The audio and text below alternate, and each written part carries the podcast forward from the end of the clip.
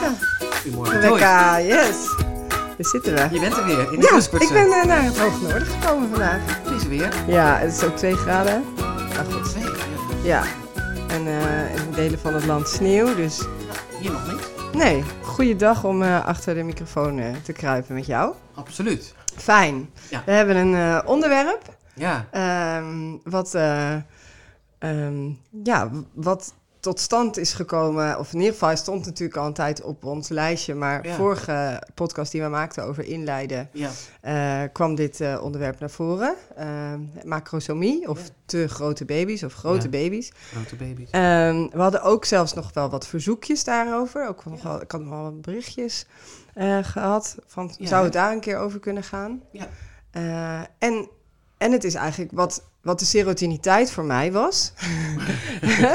het onderwerp wat eh, erg aan het hart gaat en wat ik heel interessant vind, Ja. eh, is, de, is de macrosomie eigenlijk een beetje voor jou, Zeker. toch? Zeker. Ja, ja, ja. Het is een, eh, het is een onderwerp wat me al heel lang enorm aan het hart ligt. Omdat ik zelf... ehm, het- ik, ben, ik ben drie keer bevallen. De eerste keer van een kindje van 2500 gram. En die was een beetje prematuur. Mhm. De tweede keer van een zoon van, ehm, geloof 4200 gram dat hij woog. En de derde keer van een zoon van meer dan 5200 gram. Zo, ja. En ehm, wat ik me nog zo. En toen was ik nog geen verloskundige. En Nee. eh, er waren geen complicaties bij die bevalling. Maar ik weet wel dat de huisarts die toen de bevalling begeleidde. dat die ehm, heel hard begon te trekken. Direct nadat het hoofdje geboren was. En eh, dat ik ge- iets geschreeuwd heb van wacht heel even. ja, ja. En dat hij toen zei nee. En dat hij toen, hup, eh, mijn zoon naar buiten trok. Die daar niet geamuseerd over was. Dus ik begon heel hard te huilen. En ik dacht ook, volgens mij heb je hem gewoon pijn gedaan. Dus Ja. dat was voor mij als moeder ingewikkeld. ja, ja, dat Maar- voelde niet natuurlijk Nee, eh, hoe nou dat ja, zo ging. En toen schreef hij later in het, in het partnersverslag... eh, schouders volgden moeizaam. En dat was natuurlijk iets waar ik geen, eh, Nee. geen weet van had wat dat betekende. Behalve dat ik dus dat kon beamen. Maar Ja. dat ik dacht, ja, knakkebol, had je even moeten wachten. Maar Ja. dat, en dat, dat denk ik nu ook nog steeds. Ja, dat is nu niet veranderd. Maar vervolgens Nee. was zijn collega, die kwam in het kraambed langs. En, hè, en, en, en eh, ze, ze deden met z'n tweeën de praktijk en hadden dus ook hun prenatale zorg aan mij eh, met z'n tweeën gedaan. En toen Mhm. zei hij, nou, als ik had geweten dat jouw kind zo groot was, dan had je nooit thuis mogen bevallen. En eh, toen bleek dus ook, toen vertelde hij dat hij ooit een keer, eh, nou, ja, weet ik veel, 30 jaar eerder een Ja. slechte uitkomst had gehad, waarbij de baby heel groot was. En dat hij daar gewoon bang voor was. Dus ik heb heel veel geluk gehad, want ik ben dus, bij mij is dat dus gemist. Niemand heeft gedacht, Nee. wat een grote baby is dat. Ja, behalve ikzelf toen Ja. ik zwanger was. Want ik dacht wel, nou, wel, wat wel een boel, eh Het voelt wel zwaar. ja. in mijn buik. ja. Maar ehm, ik ben daar nooit mee bezig geweest. En weet je, dat is gewoon door de jaren heen. Als je als verloskundige gaat werken, dan is dat dus een, eh, eh, gewoon een thema. Ik denk dat dat, nou nee, net dus als bij jou die Ja, serotiniteit. Dat je dus dat je reflecteert op je eigen ervaringen. En dus dat probeert in de context te plaatsen van de actualiteit. Ja. En wat ik gezien heb, ik heb zelf dus net nog in het staartje, hè, ik ben in 2004 afgestudeerd en wij hebben nog echt op de opleiding geleerd dat het doel van het doen van uitwendig onderzoek is het Mhm. opsporen van eh dismature kinderen. Want die zijn at risk voor sterfte, Mhm. die zijn at risk voor allerlei complicaties tijdens de partus, dus die wil je liever niet in de eerste lijn, de Ja. kleintjes. Ja. Grote kinderen hebben, hebben wij, weet je, we- er bestond wel een indicatie positieve discongruentie, maar dan ging het vooral om het opsporen van aangeboren afwijkingen. Want de CO was er toen nog niet. Nee. 20 weken echo. En, ehm, en natuurlijk was het in het algemeen zo dat er ook op de opleiding aandacht werd besteed dat als je een baby heel groot was, echt te groot, Ja. ehm, dat dat tot complicaties Ja. kon leiden. Maar daarbij werd er toch eigenlijk gezegd van ja, kom, tijd komt raad, want je kunt het slecht voorspellen. Hè, bijvoorbeeld, ehm, het, het, het schedel van een kind kan zo groot zijn dat het misschien niet, eh, dat het niet de, bekken, de bekkendoorgang door kan. Mhm. Maar dat kan je niet stellen, want mm, dat hangt maar helemaal af hoe, een, hoe het hoofdje ligt op het moment dat de vrouw gaat bevallen. Maar ook hoe goed het kan mouleren, hoe goed de schedelplaten Ja. zich kunnen aanpassen. Kortom, ehm, je moet kijken of de sleutel in het slot past en dan weet je het pas. Ja. En voorspellingen doen daarbij, daarvan werd gezegd, dat moet je niet doen, want de kans, hè, de kans dat je correct zit met je voorspelling is Ja. heel klein. En de kans dat je, ehm, eh, dat je ondanks dat, je, dat, dat het ongunstig lijkt, er toch, dat het toch goed afloopt, is veel Ja. groter. Nou, Ik vind dat nog steeds eigenlijk een hele nuchtere redenering. Ja. Maar er zijn, even een klein zijpaadje, Ja? er zijn natuurlijk wel, er is wel altijd al geprobeerd om te kijken of er manieren ontwikkeld konden worden of ze al zijn om, de, om die voorspelling wel een beetje te kunnen Ja. doen. Hè? Dus van vroeger werden er nog wel eh, bekkens opgemeten bij vrouwen, Ja. eh, het bekken, Ja. eh, met allerlei instrumenten. Later zijn er ook wel röntgenfoto's gemaakt of MRI. eh, MRI's. Ik weet dat er vrij recentelijk in het UMCG ook nog een, hier in het, het ziekenhuis in Groningen ook nog wel een onderzoek is geweest. Dat tijdens de uitdrijving er dan ook nog met de echo gekeken de werd naar de vorm van, ja, met de probe Ja. van de vorm van het bekken. Dus Is daar wat uitgekomen? niet, niet dat ik weet, maar eh, nou, volgende oproep als iemand dat wel weet, let me know. Volgens mij is daar niet zoveel uitgekomen.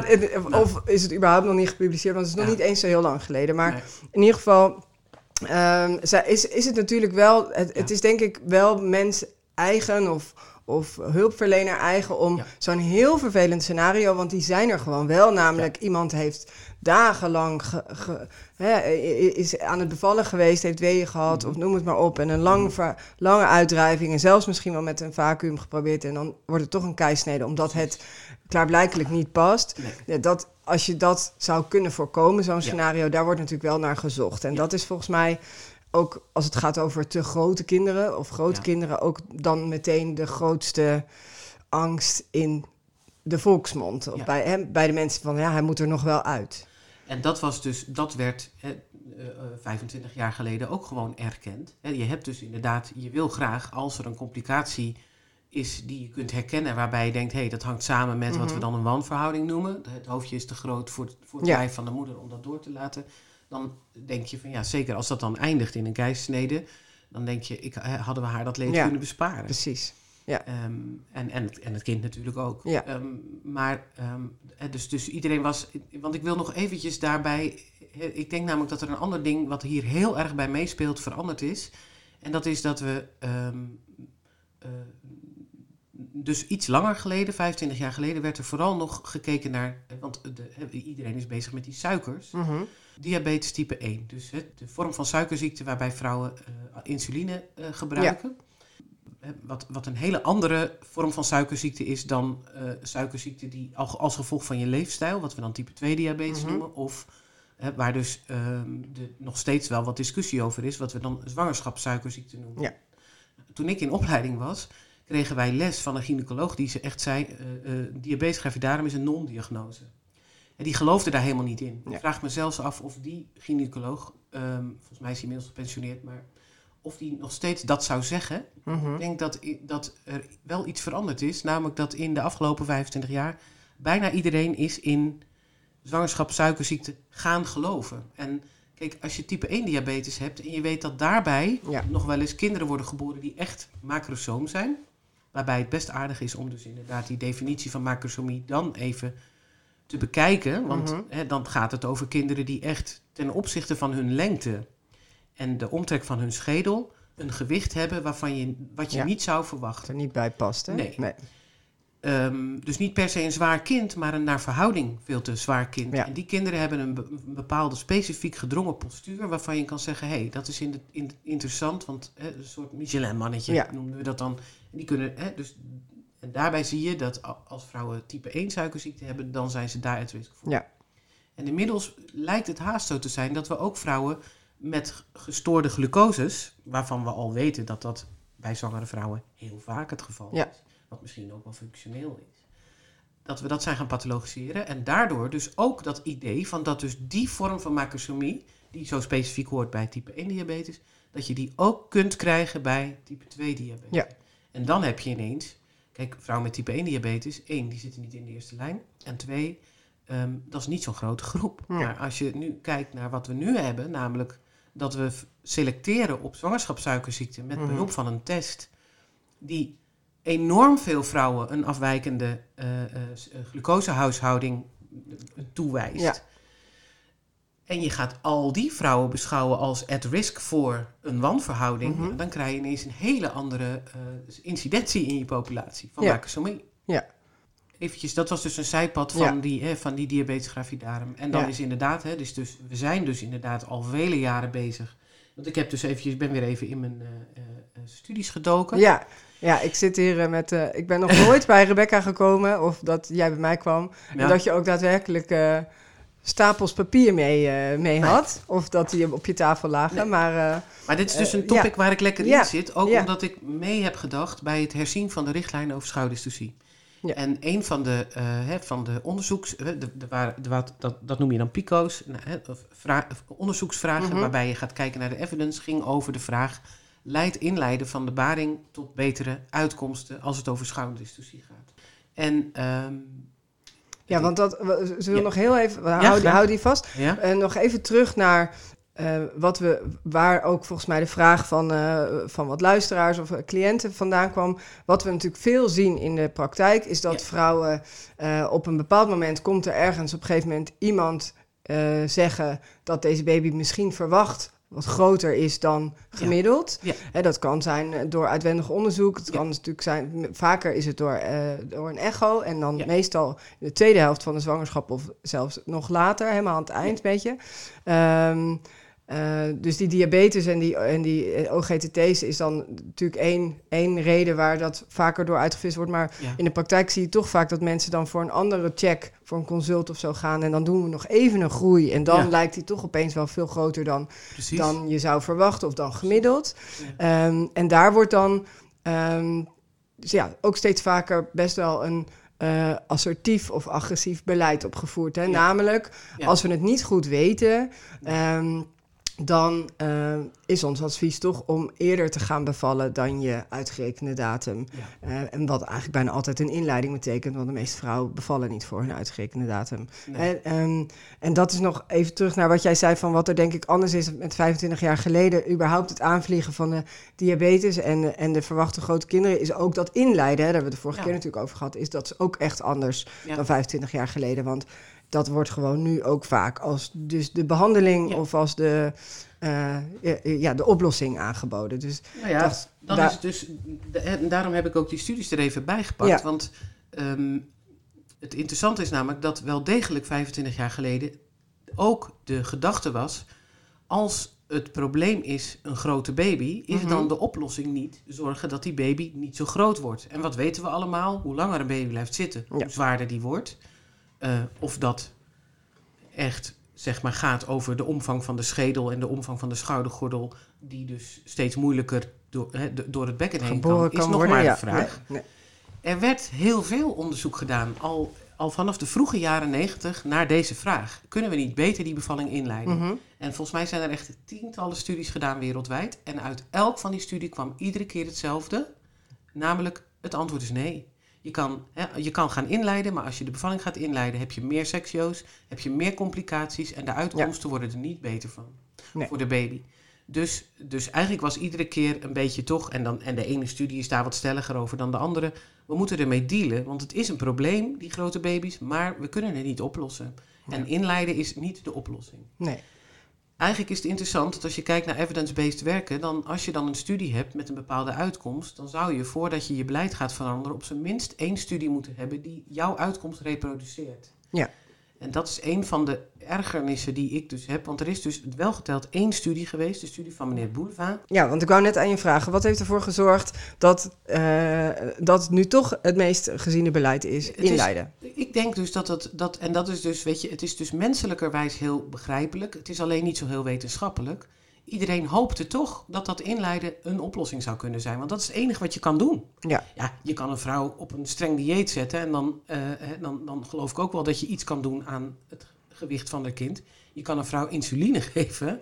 Dan wordt het kind Ja. zeker kleiner. Maar dat is gewoon... Krijgt ze ook iedere keer een appelflauwt als gaat bevallen? Nou ja, bijvoorbeeld. Maar bovendien weten we Veel ook... reserves heb je dan Ja. niet meer. Nee, er zijn Nee. ook steeds meer aanwijzingen dat het geven van medicatie om iemands bloedsuikerspiegels te verlagen, dat, dat, dat je daar eigenlijk juist een soort dismatuur kind van kweekt. Ja. Dus dat is gewoon schadelijk. Dus ook niet een oplossing. nee, dus ook niet een oplossing. Dus, het- hè, dus, maar dan, is dus die, dan heb je dus die ene studie en die studie zit methodologisch nog best goed in elkaar ook. Waren het niet dat er een aantal dingen niet worden gedefinieerd die je dan wel graag wil eh, de- gedefinieerd wil hebben, waaronder Mhm. met name het, de complicatie schouderdystorsie. Ja. Want, nou, daar hebben we het ook al eens over gehad bij een podcast. Mhm.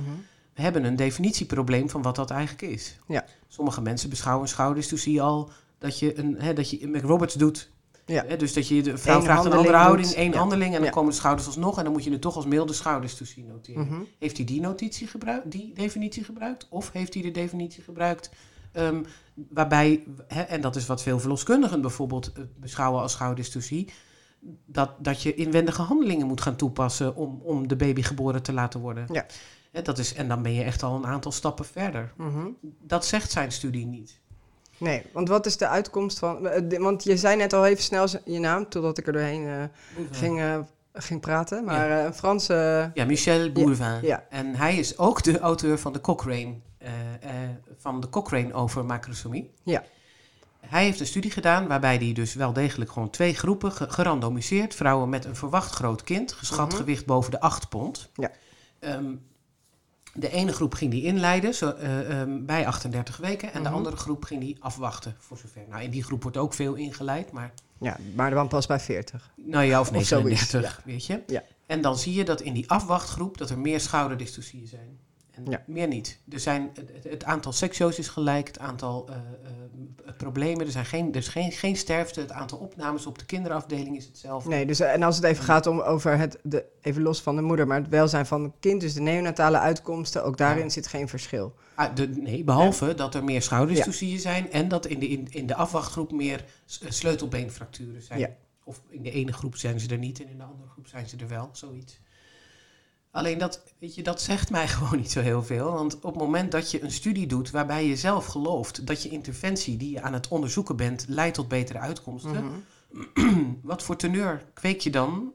Weet je, een schouwdystorsie is niet een.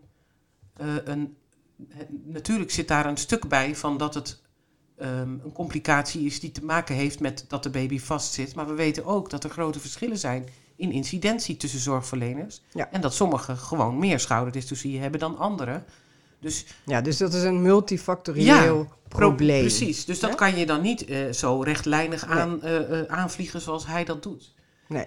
Vervolgens, dit is echt de enige studie. Daarna is ook, weet je wat, lijkt alsof er een klap op gegeven is. Van nou, hè, hè, Nou hebben we we, hem. hebben, we hebben hem. Hè, nu hebben we eindelijk kunnen aantonen wat we allemaal al 25 jaar hopen. Namelijk Ja. dat inleiden leidt tot betere uitkomsten. Deze studie heeft meteen heel veel aandacht gehad. Ik keek nog even op... ehm, even kijken wat ik heb. Als ik Boulevard 2015 intik op Google...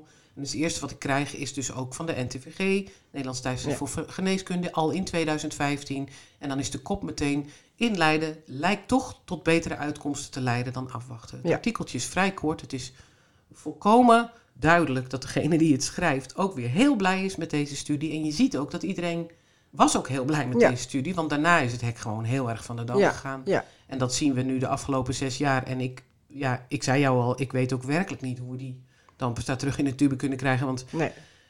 het, met bijna elke maand hoor je meer onrust over, zowel vanuit het veld, dat verloskundigen heel Ja. erg bezig zijn met, hè, dit is een grote uitzetting, moet ik daar nou wat mee? Ja.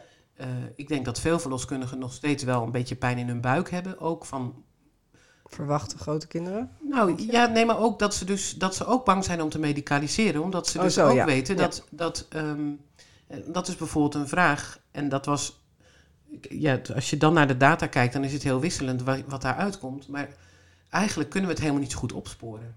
Nee. Hè, De vraag Nou is ja, dat is natuurlijk wat er in de praktijk dan vaak gebeurt. Is dat Ja. vrouwen dat we die weer in het kraambed zien als ze dan zijn ingeleid. En dat die kind, dat het uiteindelijk dat, eh, dat die baby helemaal niet zo groot was. nee, Hè, hij was maar 3600 gram. Of hij was maar. Nou ja, in ieder geval. Heel vaak klopt het niet. En Nee. zeggen vrouwen dat zelf. En soms andersom natuurlijk ook, hè, met eh, verwacht kleine kinderen. Maar vooral die eh, ja, verwacht grote kinderen Ja. zijn lang niet altijd zo groot. nee. En eh, dat is, da- daar heb je het met elkaar dan ook altijd over. Hè? De mensen zelf ook Ja. natuurlijk.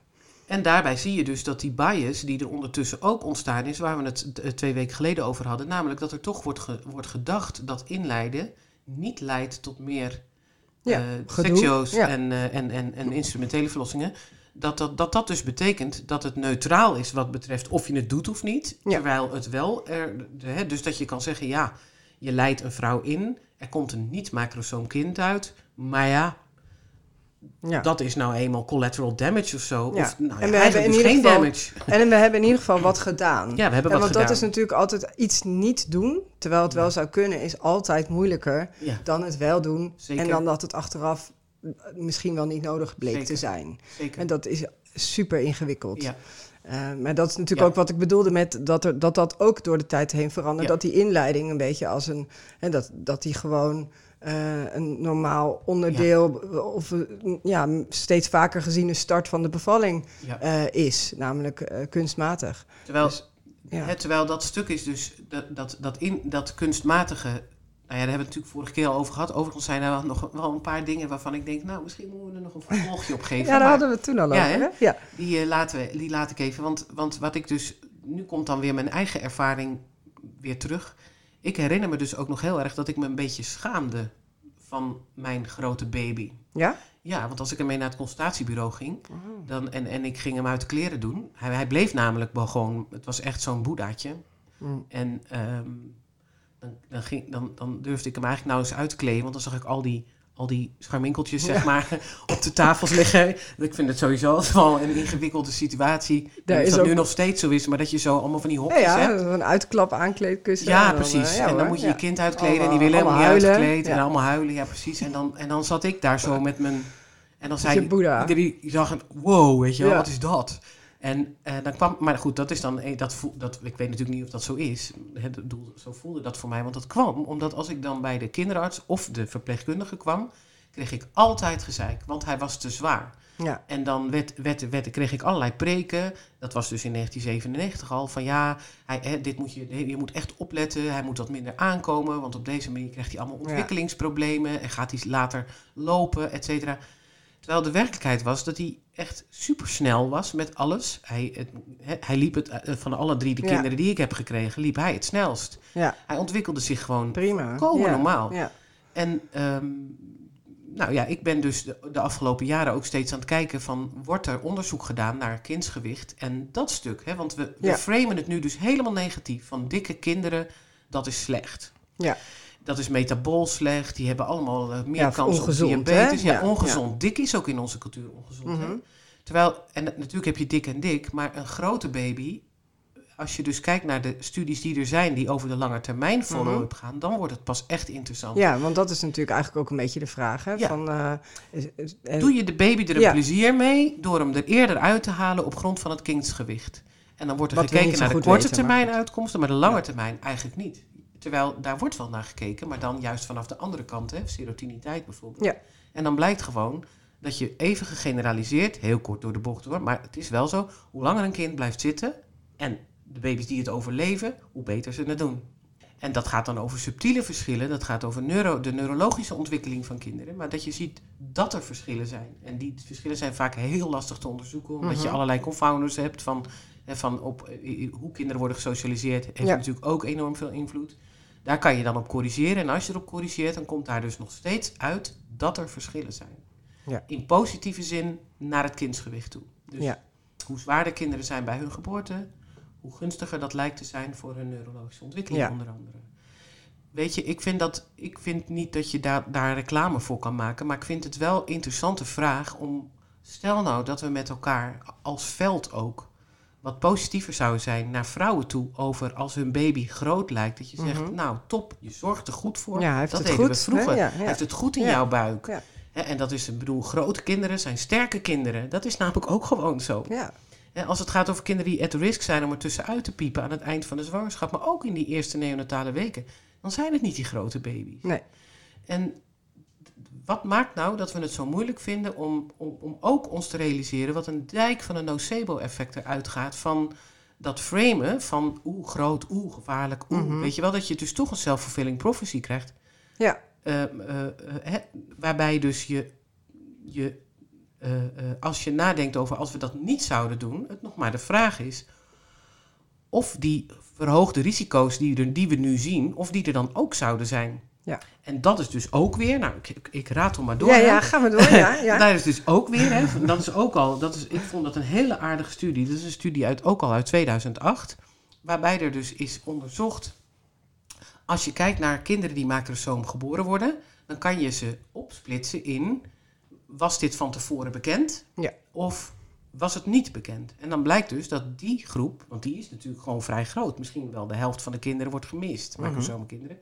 Als mensen, en als er dus niemand onrust heeft gezaaid van hoe grote baby, grote uitzetting, dan lijken die complicaties van meer sectioos, meer uh, ingrepen, die heb je dan niet. Nou ja, maar dat is natuurlijk, tenminste, gewoon vanuit mijn vroedvrouwen Ja. eh, is dat natuurlijk algemeen bekend. Op het moment dat er iemand op de verloskamers aan het baren is waar een geschat groot kind is, dan wordt er altijd waar. Aan welke kant ligt de rug? Staat het krukje al Precies, klaar? Hè, dan, dan is iedereen altijd meer alert. Precies. Dan, en eh, ik bedoel dat. Ik snap ook waar dat vandaan komt. Ik Maar ook. dus ga je ook eerder iets doen dan Ja. als je denkt. Nou, eh, jeetje, dat, nou, als het hoofd wordt geboren. Oh, dat is eigenlijk best wel heel, heel. Die heeft goede wangen. Weet je wel? Want dan ben je pas op dat moment daar Precies, mee denk je, bezig. wow, wat ja, ja. kijk hoe die schouders gaan. Snap En dat je? is, weet je, ik snap het ook. En ik snap ook Mhm. waar het vandaan komt. Maar ik vind het niet fair dat we juist dat aspect, wat met onszelf als zorgverleners te maken Ja. heeft, dat we daar niet wat harder op reflecteren met elkaar. Want dat is dus, hè, want omdat je dat weet, en als je dat niet weet als zorgverlener, dan mis je volgens mij gewoon Mhm. echt harde kennis. Namelijk dat de mindset waarbij jij bij een partner staat, van invloed is op de uitkomst. Het Ja. is niet neutraal. Als iedereen loopt te vrezen voor, en, en dat geldt voor een vrouw zelf ook, en dat is ook Ja. zo moeilijk. En moet je het er nou over hebben of niet? Moet je nou, hè, als, als een vrouw al twee grote kinderen heeft gekregen en nummer drie gaat komen, en je denkt, wow, dat is, die is waarschijnlijk nog een tandje groter, Ja. moet je dan in de zwangerschap daarover met haar praten? Ja. Zodat ze, als er stront aan de knikker is, je dan ook eh, dat, ze, dat ze daarop voorbereid is, Ja. als het ware. Of moet je dat niet doen? Ja. En ik vind dat een, een serieus dilemma waarvan ik denk van nu lijkt het dus constant en ook steeds meer uit te vallen in het voordeel van ja, je moet het proberen op Ja. te sporen. En ja, als het er dan op lijkt, dan moet je er wat mee. Mhm.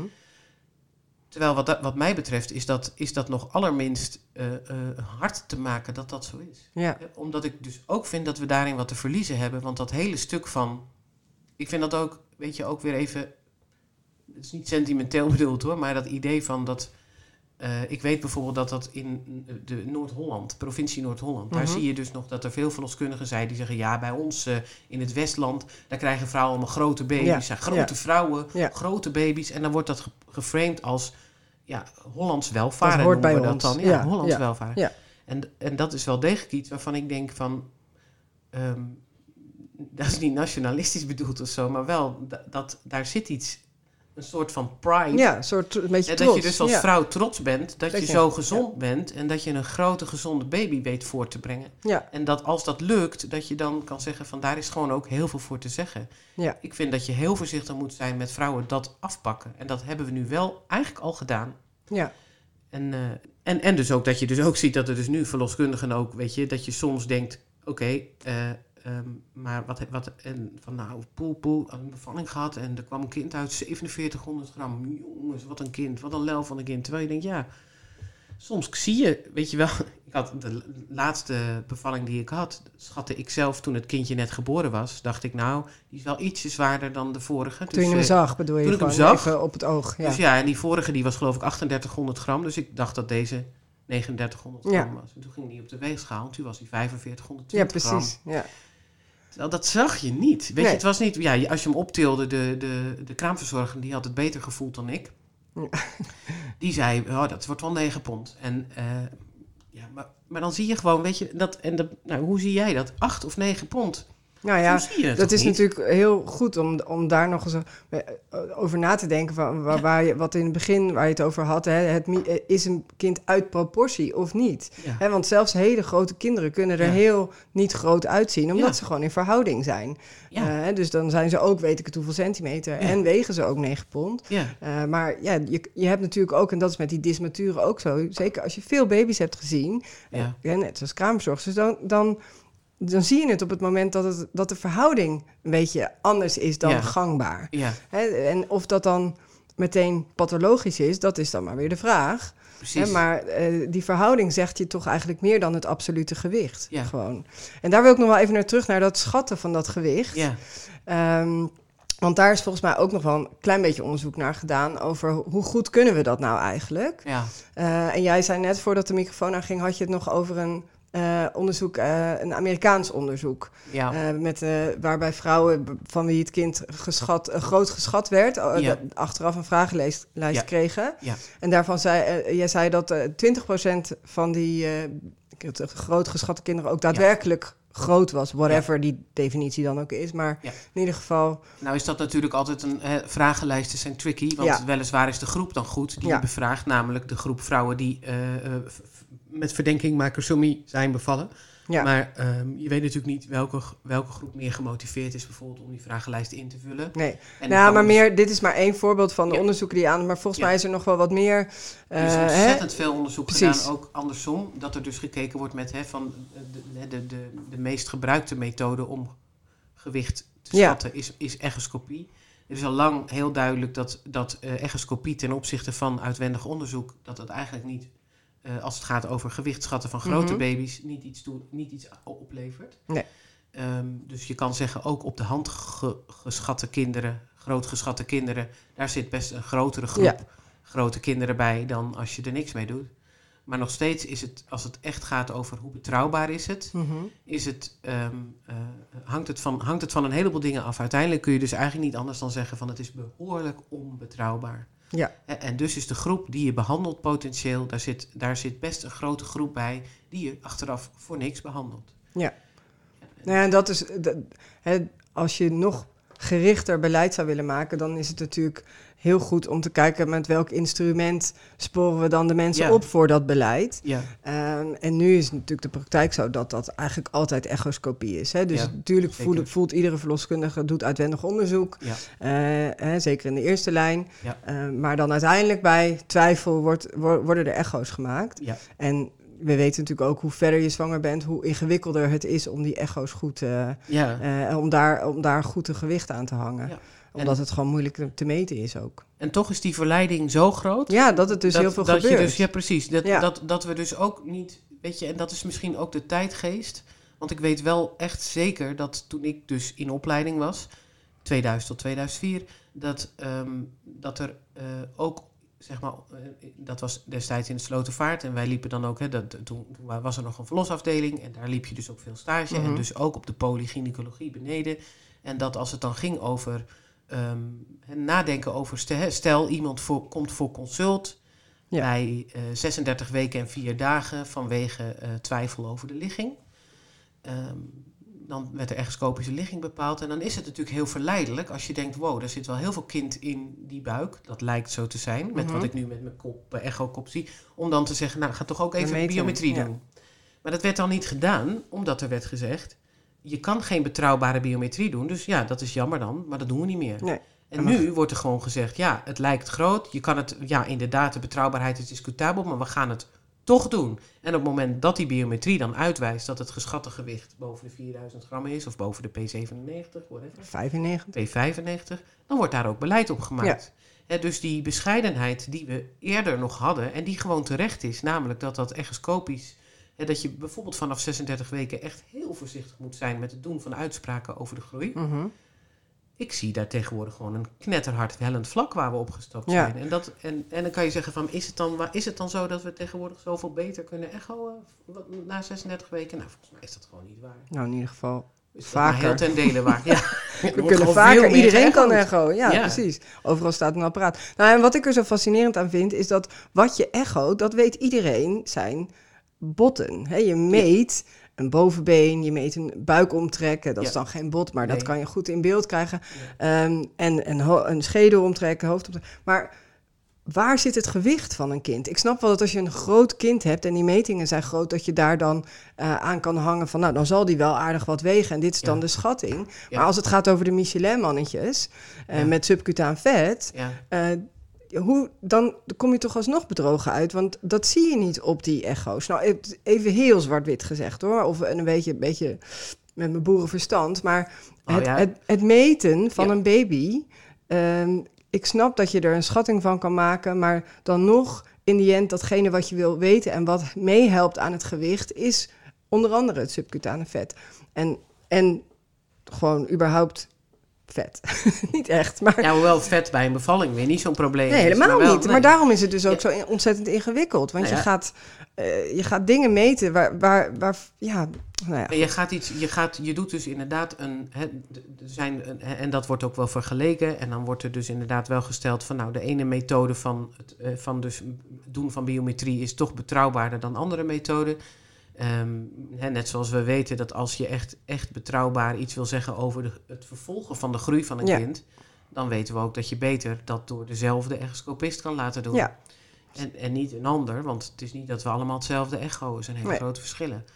Ehm, maar dan nog steeds is, is, ehm, eh, blijft het zo dat je, ik geloof heus wel dat je een deel van wat je wil onderzoeken, Ja. wat je wil weten, dat krijg je wel het antwoord op. Ja. Alleen je krijgt gewoon ook zo vaak niet het goede antwoord. En daarbij blijft dus precies wat jij zegt. Van ja, hè, er is een methode waarbij je kijkt naar de schedelomtrek, Mhm. buikomtrek, lengte van het bovenbeen. Dat zal in veel gevallen zal dat dan ook wel Ja, iets goede zeggen. indicatie geven. Maar ja, niet zeker. in alle gevallen. Nee. nee. Nou ja, en ik denk dat als het, even, als het gaat over de eerste lijns verloskundige die eh, eh, bij 35 weken uitwendig onderzoek denkt, eh, doet en denkt, jeetje, nou, dit kind lijkt wel echt voor te lopen in de groei en wat moet ik daar nou precies mee? Dat eh, waar ik mee begon, dat scenario met dat iemand een ellenlang lange bevalling heeft, eh, alles uit de kast is gehaald en het wordt uiteindelijk een keizersnede, dat, je, dat dat als verloskundige heel ingewikkeld is. Omdat je denkt, ja, Ja. daar wil ik, eh, aan de ene kant wil ik haar daarvoor behoeden, maar ik weet ook dat dat het niet kan. Nee. Ehm, maar als ik dan, het dan niet gezegd heb, van ik denk dat deze baby groter is dan gemiddeld.